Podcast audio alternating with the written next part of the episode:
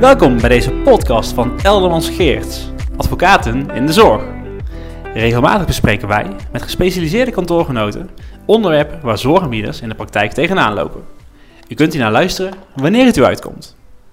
We gaan het vandaag hebben over het machtigingsvereisten in de zorgverzekeringswet.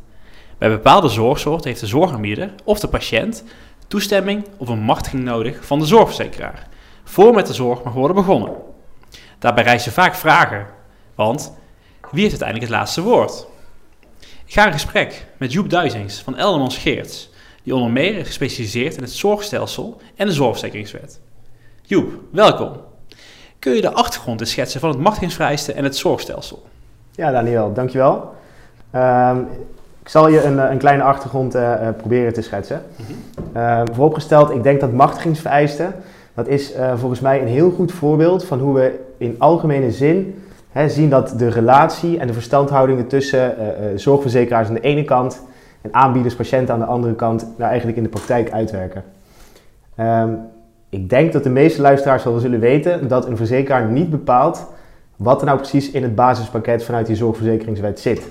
Hè? Kan je voorstellen, zou dat wel zo zijn, dan zou een verzekeraar kunnen bepalen waar zo'n verzekerde nou precies wel en niet recht op heeft. En dan is het hele idee achter onze uh, zorgverzekering uh, eigenlijk uh, nou, failliet. Mm -hmm. um, wat een verzekeraar wel mag doen, dat is bepalen wie zorg mag verlenen en waar dat dan mag. Mm -hmm. En nou goed, wat je dus in de standaard situatie veel ziet, is dat verzekeraars daarom op een bepaalde manier inkopen Hè, bij uh, zorgaanbieders uh, niet zomaar iedereen contacteren, eisen stellen aan een aanbieder, afspraken maken in een overeenkomst over hoe die zorg dan wordt verleend. Um, dat soort zaken uh, gebruikt een verzekeraar om te beïnvloeden wie waar welke zorg gaat verlenen. Mm -hmm. En je kan eigenlijk ook nog zeggen hoe, hè, want in sommige gevallen worden er ook nog wel behoorlijk ingrijpende afspraken gemaakt over de manier waarop een zorgverlener uiteindelijk te werk moet gaan. Helder, ja. En, en welke rol speelt, speelt het machtigingsvereis daar dan bij? Ja, nou in principe is het dus zo dat hè, de manier waarop die ik net beschreef uh, uh, worden gebruikt om uh, een bepaalde sturing te hebben vanuit de verzekeraar bezien. Maar soms dan wil zo'n verzekeraar nog wat meer controle hebben. Mm -hmm. En um, dan kan een machtigingsvereiste eigenlijk als een extra controlepoortje worden gezien. Hè, op die manier uh, zegt een verzekeraar eigenlijk van nou, ik, ik wil bij deze specifieke vorm van zorg, of in dit geval, als je naar deze soort aanbieder gaat, wil ik nog een keer kijken of jij wel echt uh, aangewezen bent op die zorg.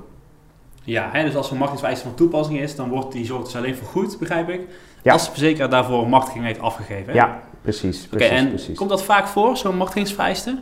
Nou ja, uh, in zekere zin in ieder geval steeds vaker. Mm -hmm. uh, we zagen het vroeger alleen bij de wat meer exotische dingen in het buitenland, uh, naar een zorgaanbieder gaan, dat soort zaken. We zien eigenlijk dat een verzekeraar de machtiging steeds meer is gaan gebruiken als een volwaardig alternatief om dus maar die, die controle te behouden of zelfs te vergroten. we zien tegenwoordig, ook bij ongecontracteerde partijen, wordt vaak een machtiging vereist, dat soort zaken dure medicijnen, uh, dure behandeling in algemene zin. Helder. Hey Joep, en uh, voordat we de diepte verder ingaan, hè, kun je nog even toelichten wat precies de relevantie van machtiging is voor zorgaanbieders? Hè, het klopt mm -hmm. dat, dat zo'n machtigingsvereiste vaak is opgenomen in de polisvoorwaarden tussen de verzekerde en ja. de verzekeraar. Ja, ja. Nee, een terechte vraag. Um, machtigingsvereisten zitten inderdaad heel vaak in de polissen. Hè, dus de polisvoorwaarden tussen verzekerde en verzekeraars. Mm -hmm. Um, we zien wel heel vaak dat in de, praktijk het linksom of rechtsom zo is dat die zorgaanbieder uiteindelijk de partij is die zo'n aanvraag gaat doen. Mm -hmm. Ofwel omdat die uh, verzekerde heel veel informatie of hulp van de uh, zorgaanbieder nodig heeft bij het doen van de aanvraag. Of omdat in de voorwaarden of in de overeenkomst tussen de aanbieder en de uh, verzekeraar afgesproken is dat de aanbieder daadwerkelijk ook de aanvraag moet doen in eerste instantie. Hè, dus het is heel belangrijk dat je als aanbieder weet hoe dit allemaal uh, uh, functioneert en wat het doel is en waar je op moet letten. Ja, helder. Nou, laten we overgaan echt naar de inhoud. Hè? Uh, wat is het belangrijkste nou bij, bij die machtigingsvereisten wat een zorgaanbieder moet weten, wat jou betreft? Nou ja, goed. Het, het, eerste en belangrijkste volgens mij is eigenlijk heel simpel. Uh, zorg er nou voor dat je als aanbieder weet in welke gevallen zo'n machtiging kan spelen. Hè, dus weet in welke polissen van welke verzekeraars voor welke zorg die jij aanbiedt uh, een machtiging vereist is. Ehm, dus je zal moeten kijken naar die polissen uh, van verzekeraars. Dat is geen leuk werk, maar het is dus wel heel belangrijk. En wat natuurlijk ook zo is, maar dat is een minder grote verrassing over het algemeen. Um, mocht het zo zijn dat er in de overeenkomsten die je sluit als aanbieder met de verzekeraar een machtigingsvereiste zit, ja, dan moet je daar natuurlijk ook uh, rekening mee houden, maar dat spreekt voor zich. Ja, logisch. Ja. ja. En zijn er nog andere belangrijke aspecten? Hè? Wanneer moet je bijvoorbeeld zo'n machtiging aanvragen? Uh, ja, dat is ook wel inderdaad goed om, uh, om, uh, nou, om scherp te hebben als aanbieder zijnde. het is eigenlijk altijd zo, en het is ook niet heel onlogisch, dat de verzekeraar vooraf, dus voordat jij als zorgaanbieder gaat handelen, mee wil kijken. Dus voordat je aan de behandeling begint, dien je een aanvraag in waarin je eigenlijk vraagt, joh, geef jij toestemming dat ik deze zorg ga ontvangen of ga verlenen. Mm dus zorg ervoor dat je op tijd bent. Doe je dat niet, ehm, dan kan daarvan de consequentie zijn dat de verzekerde zijn recht op vergoeding, dat hij misschien wel had gehad, verliest, omdat hij simpelweg niet op tijd zijn aanvraag heeft gedaan. Ja, dat is zonde. Dat is heel zonde, ja. Um, ander punt dat ook wel goed is om te weten is een machtiging die eenmaal voor een bepaalde behandeling is afgegeven, die, die blijft ook gewoon gelden de hele tijd hè, waarin die behandeling voortduurt. Dus ook al ga je als verzekerde tussendoor switchen van verzekeraar, uh, verandert de relatie tussen uh, de aanbieder en de verzekeraar. Uh, de machtiging die er eenmaal was, die blijft gewoon bestaan voor zolang de behandeling voortduurt. Ja, nou dat scheelt dan weer. Oké, okay, dus je vraagt zo'n machtiging dan aan als zorgaanbieder of als verzekerde. En de verzekeraar gaat dan die machtiging, machtigingsaanvraag eigenlijk beoordelen. Mm -hmm. kun je die beoordeling eens toelichten? Hoe gaat dat? Hè? Kun, je zo, kun je dat eens toelichten? Ja, nou ja, goed. Uh, het centrale doel hè, van die machtiging, uh, nogmaals, is uh, voor de verzekeraar dat hij wil kunnen beoordelen of de zorg die geleverd zou gaan worden, of die voldoet aan de eisen die zijn gesteld voor het zijn van verzekerde zorg. Hè? Dus heeft zo'n verzekerde eigenlijk wel behoefte aan de zorg die wordt aangevraagd? Mm -hmm. um, en voldoet de zorg zoals die wordt voorgesteld wel aan de wetenschappelijke eisen? Um, goed om te weten is dat uit de wet volgt dat de verzekeraar daarbij alleen mag kijken naar zorginhoudelijke criteria. Um, moet je niet helemaal letterlijk nemen, want uit de geschiedenis van de wet blijkt wel dat uh, bij die beoordeling uh, vooral naar uh, medisch inhoudelijke criteria moet worden gekeken, maar dat het onder omstandigheden ook mogelijk is om bepaalde andere zaken mee te nemen. Doet niks af van het feit dat de basisregel blijft je moet in principe beoordelen als verzekeraar zijn puur op zorginhoudelijke criteria. -hmm. Uh, dus dat betekent bijvoorbeeld dat een verzekeraar ehm, niet een hele stapel aan aanvragen mag gaan afwijzen, puur en alleen omdat het aanvragen van een ongecontracteerde aanbieder zijn, mm -hmm. of omdat hij het gewoon te duur vindt hè, en dat ook als zodanig als enige onderbouwing voor zijn afwijzing meegeeft. Dat is niet de bedoeling. Ja, nou, dat is belangrijk om dat als basis in het achterhoofd te houden, zal ik maar zeggen.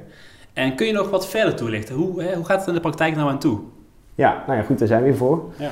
Uh, nou goed, vooropgesteld, uh, het beoordelen van de vraag hè, of een, een patiënt een bepaalde vorm van zorg nou echt nodig heeft, of die daarop is aangewezen, is in principe iets wat volledig aan de behandelaar is. Mm -hmm.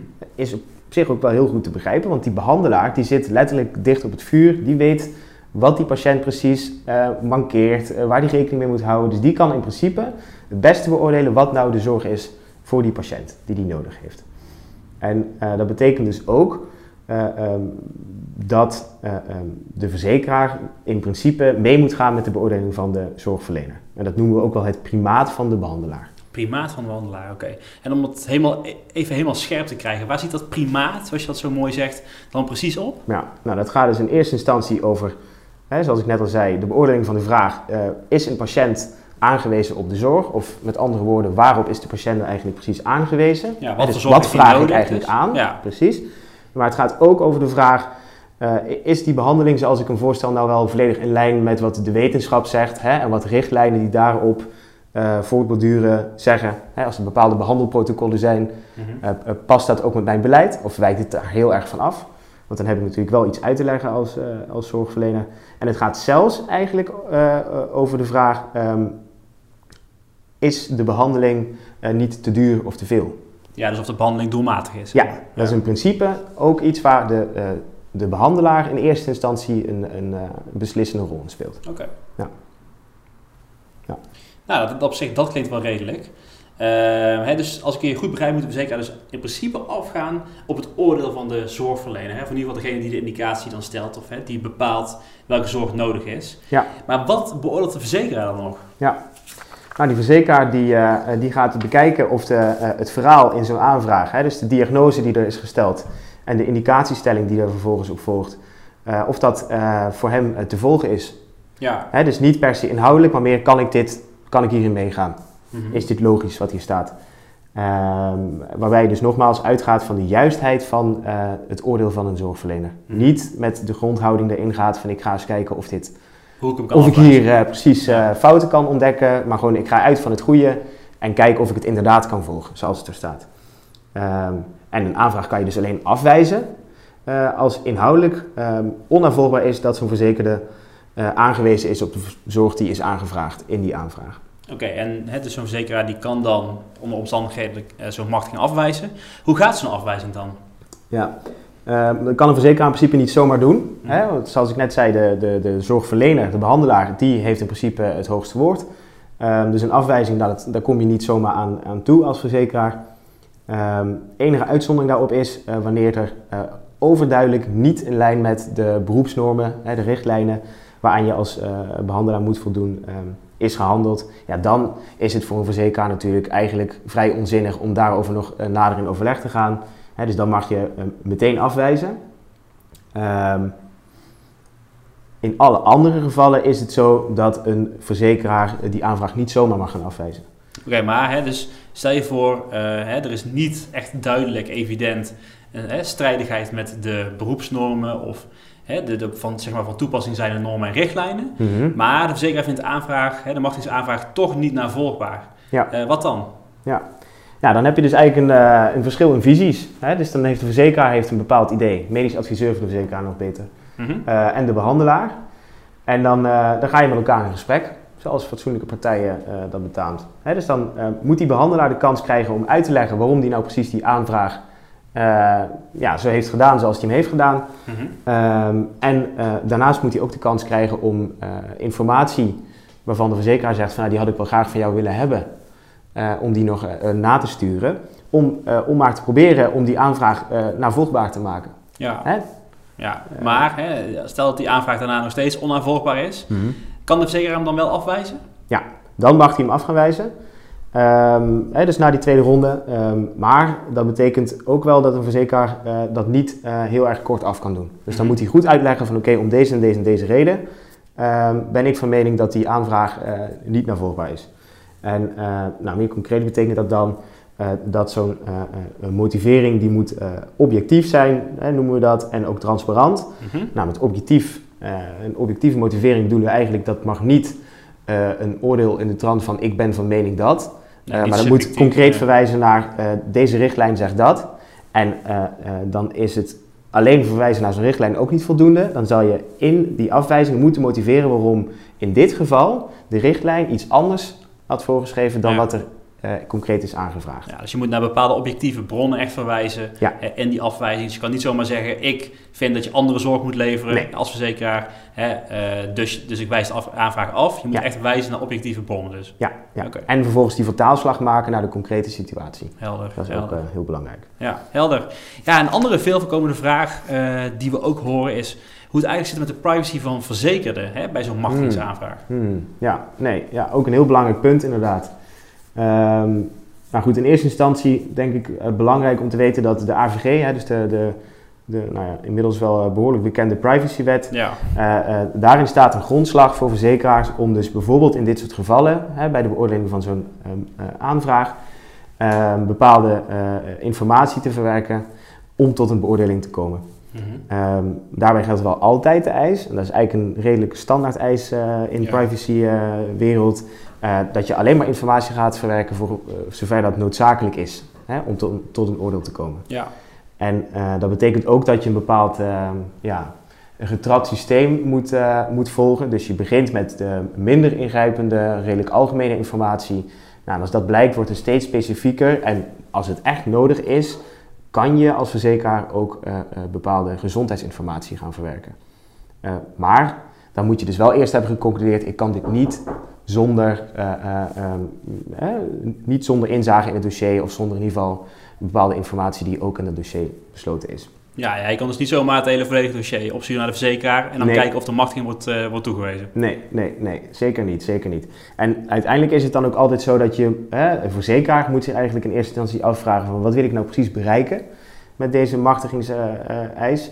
en ehm, nou ja, goed, de informatieuitvraag moet je altijd plaatsen tegen de achtergrond van het doel. Hè, van waarom vraag ik dit uit? En dat bepaalt ook wat je dan precies mag uitvragen. En wat je mag opsturen als, uh, als aanbieder. Ja, en want hè, dat is natuurlijk altijd de vraag die zorgaanbieders en zorgverleners dan hebben. Ja, ik heb een geheimhoudingsplicht. Ja. Hè, uh, ja, hoe staat dat in verhouding tot al die informatie die ik dan aan de verzekeraar verstrek bij zo'n machtigingsvereiste? Ja, ja, dat ligt eraan. Uh, we zeiden het net al helemaal aan het begin. Hè. Er zijn eigenlijk twee, twee opties. Ofwel uh, het is de verzekerde die in principe een aanvraag moet doen en die daarbij uh, de uh, zorgaanbieder inschakelt voor advies, hulp, onderbouwing, wat dan ook. als dat het geval is en zo'n verzekerde komt bij jou als zorgaanbieder met de vraag van joh, kan je mij bepaalde informatie verstrekken die je van mij hebt of die je voor mij kan verzamelen, dan mag je daar gewoon aan meewerken. Um, want dan is het de verzekerde uh, van wie die informatie is, die zelf aan jou vraagt: wil je die informatie alsjeblieft uh, uh, aan mij doorspelen, zodat ik hem weer aan de verzekeraar kan geven. Mm -hmm. dus dat is nooit een probleem. Mag je altijd aan meewerken als zorgaanbieder. Um, andere situatie is dus het geval dat een zorgaanbieder de aanvragende partij ja, als is. de zorgaanbieder het zelf doet. Ja, ja. Hè, dus als hij ook de partij is die vanuit de afspraken gezien de partij is die de aanvraag moet doen. Mm -hmm. Uh, um, en als thuis daar in principe geen inbrenging van een verzekerde uh, bij nodig is, uh, maar je wil wel informatie over die verzekerde gaan delen, ja, dan is het wel nodig om eerst toestemming te krijgen van de verzekerde voordat je ook daadwerkelijk dingen gaat doorsturen. Hè, dus vergeet dat ook niet. Als om dan toestemming te hebben van die, ja. ja. van die verzekerde. Ja. Nou, dat is goed om in het achterhoofd te houden. Ja. Nou, nog een laatste vraag. Ehm, stel de verzekeraar wijst zo'n machtigingsaanvraag af. Mm -hmm. Ja, kan je dan nog iets doen als zorgaanbieder of als verzekerde tegen zo'n afwijzing? Ja, uh, dat kan zeker. Um, in eerste instantie um, zou ik iedereen willen aanraden van de vraag zo'n verzekeraar om een heroverweging. Mm -hmm. uh, zorg ervoor dat hij nog een keer goed heeft nagedacht over zijn eigen oordeel. Um, en in sommige gevallen is dat, uh, is dat succesvol en in andere gevallen ook niet. En dan kan je natuurlijk overwegen om naar een, een, een onafhankelijke partij te gaan om de vraag voor te leggen. Uh, dat kan uh, um, bij de geschilleninstantie uh, voor de zorgverzekeringen. je kan zelfs overwegen om naar de, ik zal maar zeggen, de normale rechter, hè, de civiele rechter te stappen. Ja. en we zien ook in de praktijk dat dat niet altijd kansloos is. Hè, want zeker ook op het gebied van privacy, maar ook zorginhoudelijk, zien we toch helaas te vaak dat een verzekeraar niet alles doet zoals wij het nu net besproken hebben. Ja. Nou, goed om te weten ook. Uh, ik vat het nog even kort samen, want het is best wel een hoop informatie eigenlijk die, uh, die we nu besproken hebben. Ja. Uh, nou, verzekeraars hanteren dus soms een machtigingsvereiste als een soort extra controlemiddel. Mm -hmm. en meestal moet zo'n machtiging dan vooraf, dus voordat de zorg begint, worden aangevraagd. Waarbij de verzekeraar dan beoordeelt of de zorg voldoet aan de eisen voor verzekerde zorg. En als ik goed heb begrepen, mag de zorgverzekeraar dan in principe hè, eigenlijk alleen maar zorginhoudelijke criteria betrekken en de behandelend zorgverlener bepaalt in principe op welke zorg een verzekerde, hè, patiënt, aangewezen is. Hè, dus ja. niet de zorgverzekeraar. Ja. Um, ja, wat je verder vertelde was dat een machtigingsaanvraag niet zomaar mag worden afgewezen. Hè, als een verzekeraar het niet eens is met de aanvrager, ja, dan zal, de zorgaanbieder, uh, zal hij de zorgaanbieder eerst moeten uitnodigen hè, om de aanvraag toe te lichten. Ja. En als informatie wordt ontbreekt, dan moet de zorgaanbieder eerst de kans krijgen om die alsnog aan te leveren. En dat moet de verzekeraar dan ook aangeven om welke informatie het dan gaat. En hè, wat je zei is eigenlijk alleen als de aanvraag daarna nog steeds onafvolgbaar is, ja, dan mag de verzekeraar hem afwijzen. Hmm. En ook dan moet de afwijzing goed worden gemotiveerd en objectief zijn en ook uh, transparant. Um, nou, en tot slot vertelde je dat je hè, na zo'n afwijzing nog een heroverweging van de verzekeraar kan vragen. En als je er echt niet uitkomt, hè, als zorgaanbieder, verzekerde of verzeker, met de verzekeraar, dan kan die uh, hè, rechtsvraag ook nog worden voorgelegd uh, aan de SKGZ of de rechter. Uh, klopt dat? Ja, ja, ja. Nee, je bent uh, geslaagd. Nou, dankjewel ja. voor de toets. Uh, nou, dan sluiten we hier met de podcast af. Hartelijk dank. Um, mochten zorgaanbieders nog vragen hebben, waar kunnen ze dan terecht, Joep? Ja, nou in ieder geval op onze website. Hè, daar staat heel veel informatie op in een redelijk toegankelijke vorm. u kunt mij ook altijd benaderen. Ehm, mijn mailadres staat op de website, ehm, maar dat is in ieder geval duizings.eldermanscheers.nl en duizings is met IJZ. Helder, dankjewel. Ja.